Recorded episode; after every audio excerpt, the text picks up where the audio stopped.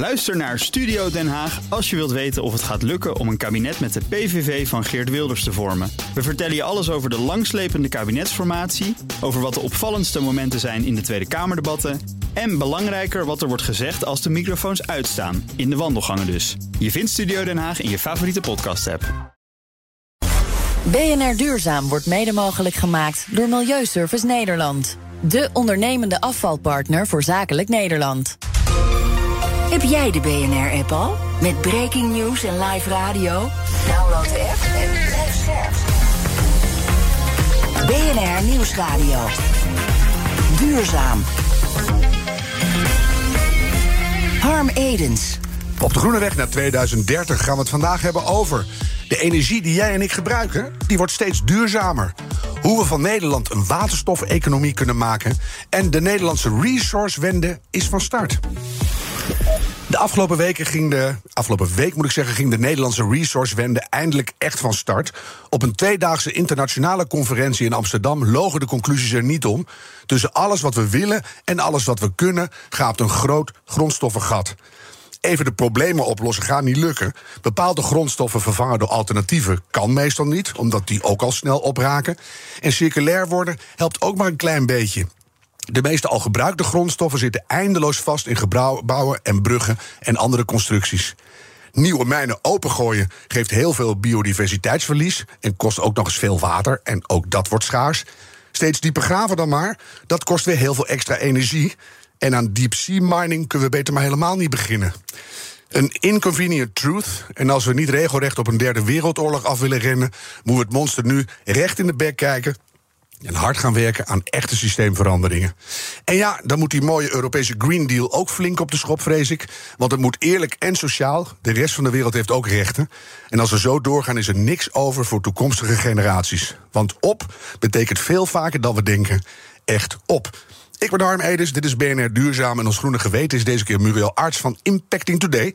Muriel, het begin was een beetje deprimerend en zo voelde ik me ook een hele week. Maar jij hebt gelukkig beter nieuws. Het gebruik van duurzame energie neemt flink toe. Klopt.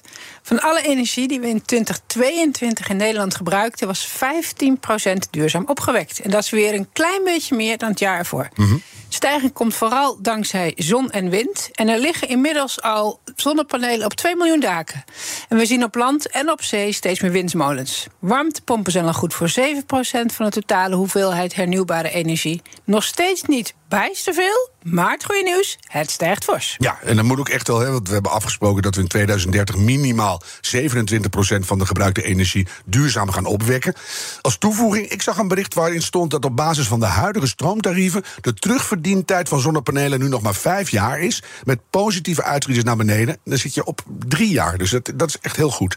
Ja. Ander nieuws, wat mij dan wel weer veel zorgen baart. De opkomst van AI is een bedreiging voor het klimaat. Hoe zit dat precies? Ja, het is eigenlijk te gek voor woorden, Harm. Het probleem van datacenters kennen we al heel lang. Die gebruiken ongelooflijk veel energie. Dat zie je natuurlijk allemaal niet als je denkt dat er niks in de hand is. 3% van alle elektriciteit in de wereld. Maar het wordt nog veel meer als we in de wereld massaal overstappen naar AI. Ik moet ook mm denken, hoe spreek je het uit? Even een voorbeeld. Ik heb een virtuele assistent thuis en ik zeg, doe het licht uit. En het uitvoeren van dit commando kost net zoveel licht als het licht één uur laten branden. Net zoveel energie, ja. Dat is uh, precies, net zoveel energie, niet net zoveel licht. Ja. En deskundigen voorspelden onlangs in het FD... over twee jaar hebben AI-datacenters meer dan 10% van de mondiale stroomproductie nodig. Ja. En dat knopje kunnen we toch zelf wel indrukken? En de sterker nog, dus ook beter. En, Veel beter. En dat is alleen nog maar AI, hè? Dus al die andere dingen in de datacenters, Ja, die tikken zelf nog even blijven door. Mhm. denken, zelf blijven doen. dit, dit is echt te gek voor woorden. Ja, en het gekke is ook nog, als je erover nadenkt... dat alle duurzame vorderingen die we maken... dan weer als sneeuw voor de zon zijn verdwenen. Dus uh, we worden er niet blij van. Maar uh, Europa, Europa neemt een wetgeving aan over integratie van mensenrechten... en milieu-impact in bedrijven. En dat is dan wel weer mooi nieuws. Dat is goed nieuws. Uh, het gaat om een hele lange naam. De Corporate Sustainability Due Diligence Directive. SDDD. Het komt er eigenlijk op neer dat je als bedrijf verplicht wordt om je negatief van je gevolgen uh, te melden, Ja. te monitoren en ook echt doelen te gaan stellen. Ehm, en dan gaat het eigenlijk over alles. Maar veel belangrijker is dat je de hele keten in moet. Dus als je het over grondstoffen hebt, dan kom je hooglijk tot de conclusie dat het gewoon dus echt niets meer kan. Eh, dus het gaat over jou, maar ook over de impact van de andere spelers. En het is een beetje de IMVO-wetgeving in Nederland, waar zoveel protest tegen was, die Europees nu ingevoerd gaat worden. Dat lijkt mij goed, want dan krijg je Heel toch goed een nieuws. Dus beter je- speelveld. Ja. ja. En eh, ik las dat het over 13.000 ondernemingen gaat. En hopelijk gaat dit nu wel een beetje met wat snelheid. Ja, dus eh, 250 medewerkers minimaal en 40 miljoen omzetten. En Ja. alles daarboven moet dat gaan doen. Lijkt Ja. mij heel goed. En ook als er echt serieus naar gekeken wordt en ook gehandhaafd. BNR Duurzaam. Waterstof speelt een belangrijke rol in de doelstelling om Nederland van het gas af te krijgen. Dat is althans de stellige overtuiging van de nieuwe branchevereniging NL Hydrogen. Directeur is Alice Krekt en ze is hier eh, bij ons te gast. Net op tijd, Alice, fijn, want je zat weer in zo'n hopeloos file. Jullie zijn feitelijk de opvolger van het H2-platform, dat al wat langer bestond. Waarom eh, dachten jullie, we hebben een branchevereniging nodig? Ja, dat dachten wij niet zelf alleen, maar ook vooral de bedrijven die eh, lid waren van het eh, H2-platform en ook nog andere bedrijven die een heleboel projecten doen op het gebied van waterstof. Ehm, dat H2-platform eh, was een informeel samenwerkingsverband. Maar nu, wat er nu nodig is, is echt een enorme opschaling ehm, en heel veel meer impact. En daar is ook een branchevereniging voor nodig die dat eh, faciliteert of die daar de brug slaat eigenlijk tussen het bedrijfsleven en de overheid. Ja, die samenwerking die, die geef je dan vorm. Je noemde die partners, bijvoorbeeld Engie, Vattenfall, BP en Eneco. Hoe kunnen jullie die bedrijven concreet helpen om progressie te boeken bij waterstofprojecten? Ehm, nou, we gaan met elkaar. eh, zijn- wij zijn eigenlijk de, de, de, hoe heet het, de contactpersoon voor eh, de overheid. Als zij eh, wet of regelgeving willen ontwikkelen. De bedrijven zelf praten natuurlijk ook met de, met de overheid hierover. Maar wij willen dat eh, faciliteren en ook voor de overheid een stukje werk in feite uit handen nemen. Door een aantal meningen te bundelen, even tegen elkaar af te zetten en zeggen van nou, wat vinden wij nou vanuit de sector dat het handigst is als Ja. je die grote versnelling wilt Dat realiseren. is veel efficiënter eigenlijk, hè? Ik dacht het wel. Lijkt mij ook. Er zijn meerdere toepassingen voor waterstof denkbaar. Zullen we die eens even één voor één bij langs gaan? En eens kijken wat jullie daarvan vinden. Het is een manier om wind- en zonne-energie van A naar B te krijgen. Bijvoorbeeld van zee naar land. Eh, voor- en nadelen daarvan? Eh, voordelen is dat ehm, eh, het eh, op die manier makkelijk opgeslagen wordt. Dat je geen nieuwe kabels hoeft te trekken, bijvoorbeeld in de zee. Dus soms kan je zelfs bestaande buizen gebruiken daarvoor. Ehm, een nadeel is dat je dus ook heel veel onderhoud op die platforms moet, moet voeren. op, als je het op zee wil maken. Ja. Maar goed. ehm, het is denk ik zeker iets wat we ook nodig hebben. En daar worden nu ook eh, onderzoeken naar gedaan hoe je dat zo handig mogelijk kan doen. Ja, om minder verlies, hoe beter. Komen we straks nog op. Tweede toepassing. We gebruiken het voor de procesindustrie, de, de petrochemische industrie, zoals die vroeger heette. Zo kunnen we bijvoorbeeld Tata Steel verduurzamen. Is dat kansrijk? Ja, nou, Tata is geen petrochemische industrie, maar inderdaad, de, de industrie kan verduurzamen door A, eh, waterstof te gebruiken als brandstof hè, voor de hele hoge temperaturen, waar ze nu aardgas voor gebruiken. Ehm, of als, als grondstof. Eh, daar wordt het nu ook al voor gebruikt. En dat is met name nu in de petrochemische industrie. Die H2 is een heel belangrijk bouwsteen in een heleboel producten die wij nu gebruiken. Ja. Maar dat moet wel vergroenen. Ja, dat is allemaal nog grijs. En eh, je hoort het vaak, vrachtwagens die kunnen in de toekomst lekker op waterstof. Zie Ja, je dat ook gebeuren? Lange afstandtransport, zeker. Ehm, en ook voor eh, bijvoorbeeld eh, taxichauffeurs die weinig tijd hebben om eh, snel of te laden, hè, Mhm. een half uur aan een paal te hangen. Die willen graag doorpakken en dan snel de waterstofauto volgooien. Ja, wat zijn daar de haken en ogen? Want die zijn er ongetwijfeld. Ehm, daar zijn ook haken en ogen. Nou ja, vooralsnog zijn er vooral haken en ogen voor bedrijven die nu van die tankstations realiseren. Want de ver- vergunningprocedures die zijn heel traag. Ja, We hebben natuurlijk ook niet heel veel groene waterstof, dus het is nu nog niet zo heel erg. Ook nog een detail. Maar Ja. als het op stoom begint te komen, dan moet het natuurlijk wat soepeler. Dan moet het Eh, soepeler. Ja, en ik denk dat dat vooral. Ja, dat is gewoon. Je bent eigenlijk een hele keten aan het opbouwen. En alle elementen moeten tegelijk met elkaar mee oplopen. En dat is, dat is langzaam. Ja, en het levert ook niet meteen allemaal wat op. Dus de kost gaat hier ook echt voor de baat. En dat moet je natuurlijk allemaal een beetje in die markt zien te Precies, en dat is voor iedereen. Voor die tankstationhouders die eh, in- investeren, is dat, hebben ze nog geen klanten. Maar de vrachtwagenchauffeur, eh, vrachtwagenbouwers, hè, de OEM's heet dat, die hebben ook nog niet eh, voldoende tankstations. Nou ja, op die manier. Enzovoort, enzovoort. Ja. Gaan jullie dat ook faciliteren, die samenwerking? En hoe je dat moet doen met zoveel verschillende ketenpartners? Ja, ja we, daarom willen we graag de hele keten aansluiten. Dus er werden net inderdaad een aantal grote bedrijven genoemd die ook in, uh, in de productie zitten. Maar we willen die hele keten van import tot toepassing tot aan uh, nou ja, het gebruik in feite. En ook de dienstverleners, dus de techniekleveranciers. En daarmee kan je dus inderdaad die bruggen slaan binnen de vereniging. En zeggen, ja, wat is nou voor iedereen het handigste? Ja, en, en ook denk ik, dat is heel nieuw natuurlijk. Hè? Als je met z'n tienen iets uit moet vinden en implementeren. Dat is ook best nieuw werken. Of hoe zie je dat? Ja, dat, dat, uh, ja, dat is nieuw. Maar dat is denk ik in de hele energietransitie. Ik denk dat de rode draad van deze edities altijd is, van de BNR Duurzaam. Dat het toch allemaal nieuw is en dat je met andere partnerships uh, aan de slag ja. moet. Maar ook wel lekker toch? Dan kijk je ook weer eens op een nieuwe manier naar oude structuren. Want die kunnen ook wel eens weg. Dat je nieuw om de tafel gaat zitten en zeggen we nee, zo gaan we het doen. Ja, nou dat zeker. En uh, je ziet ook bijvoorbeeld zo'n bedrijf als Fountain Fuel, die bij ons aangesloten is. Dat is een relatief klein bedrijf, maar die maakt nu tankstations alleen maar voor elektrisch en waterstof. Ja. Ja, dat kan natuurlijk ook. Hè? Ja, dat is heerlijk. Ga ik dan meteen naartoe. Dan, ja, moet je wel een uh, waterstof ja. of elektrisch als je nou naar die, naar die, Ja, die heb ik dan ook. Oh, maar als je dan die hele waterstofmarkt kijkt... Hè, uh, waar gebeurt er al wat met waterstof? Uh, ik weet dat de, de oud Shell-directeur reed in een waterstofauto... maar dan had je het ongeveer wel gehad. Waar wordt het echt in de praktijk al gebruikt? Nou ja, Nederland is binnen Europa het land, het tweede na grootste land, geloof ik, waar waterstof wordt gebruikt en toegepast op, deze, op dit moment al. Mm -hmm. Um, maar goed, je ziet het dus in transport nu heel veel, in de industrie ook. En daar krijgt, komt ook een uh, Europese doelstelling om die, de waterstof die daar nu wordt toegepast, om die te vergroenen.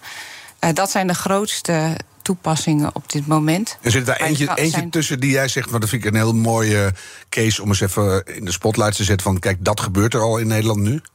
Ja, ik vind, ik vind het transport eigenlijk heel mooi. Mm -hmm. uh, kijk, de industrie ik denk dat mensen dat onderschatten. Dat hoeveel wij gebruiken van die industriële producten. Hè, en hoe, hoe een opgave dat is om dat allemaal te verduurzamen. Ja. Maar wat ik altijd mooi vind om te noemen, is het transport. Omdat dat zo. Dan, dan zie je zo duidelijk dat je waterstof eigenlijk op een veilige manier goed kan gebruiken. Mm -hmm. ja, ook als, als persoon.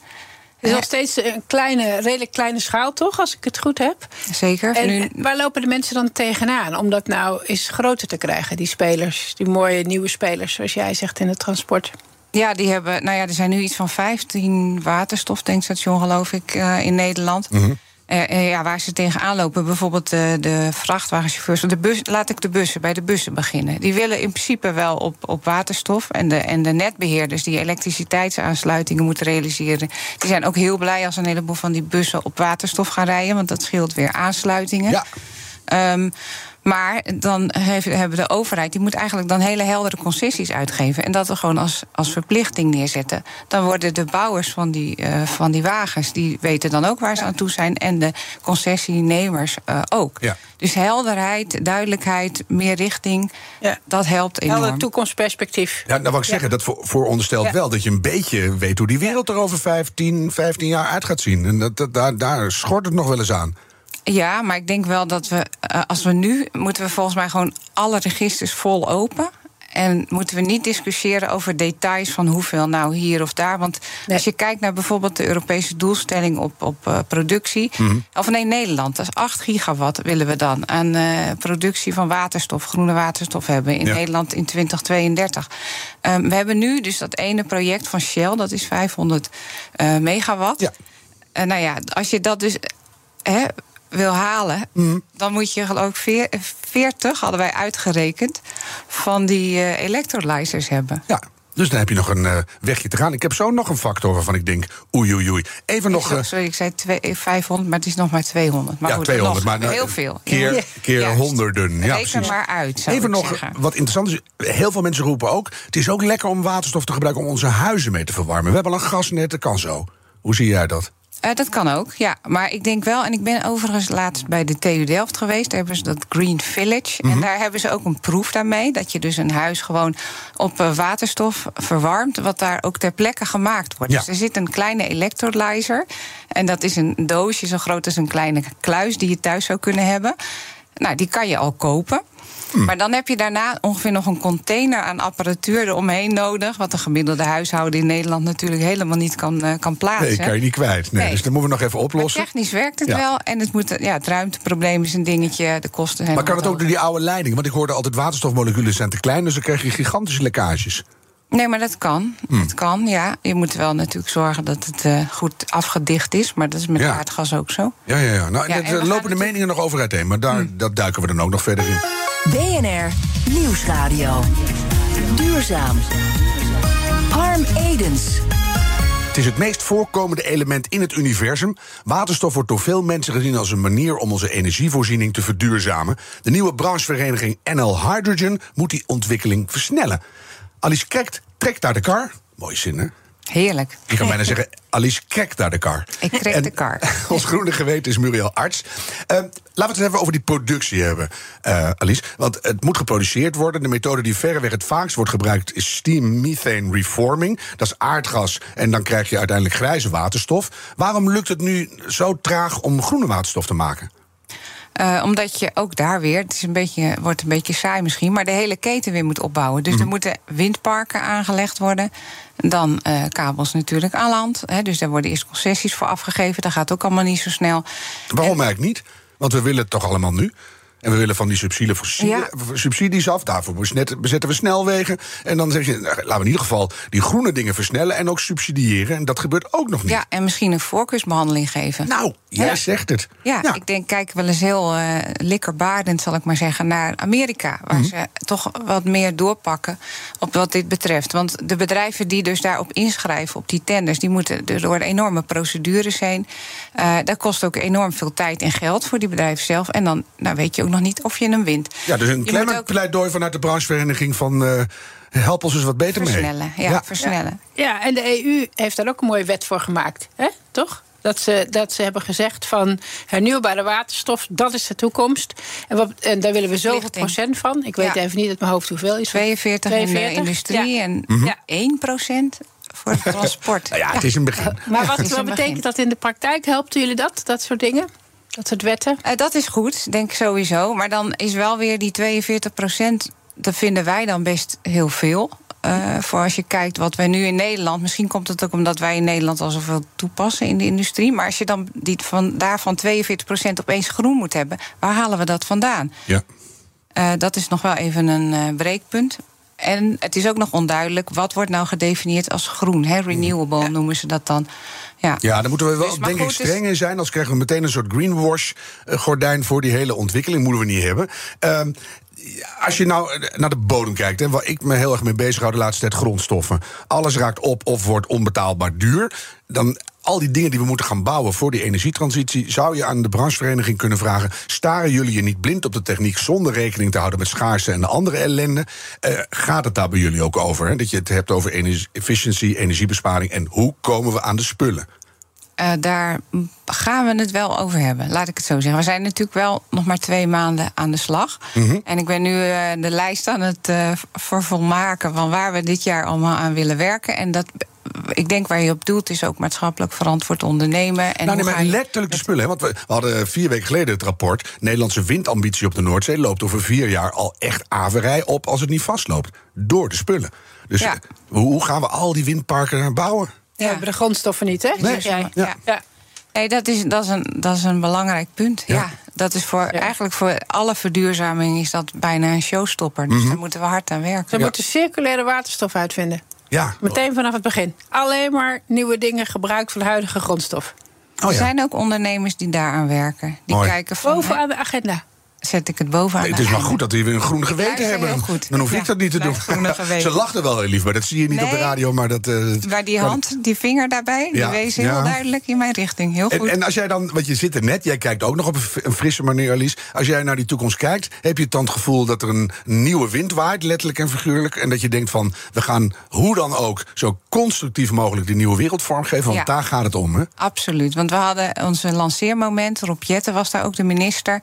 Eh, maar eigenlijk alle bedrijven die daar aanwezig waren, de mensen vanuit de overheid, iedereen denkt: ja, we hebben nog maar zo weinig tijd tot 2030. Dan moet er zoveel gebeuren. Mhm. Het heeft geen zin meer om eh, elkaar eh, vliegen af te vangen of te zeggen welke wat sneller, wat beter. We moeten allemaal dezelfde kant op rennen en duwen. Ja.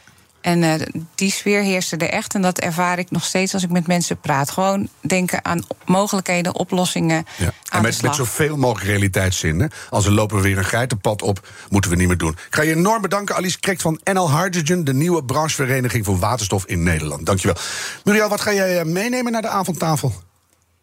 Ja, heel positief verhaal. En wat ik meeneem is.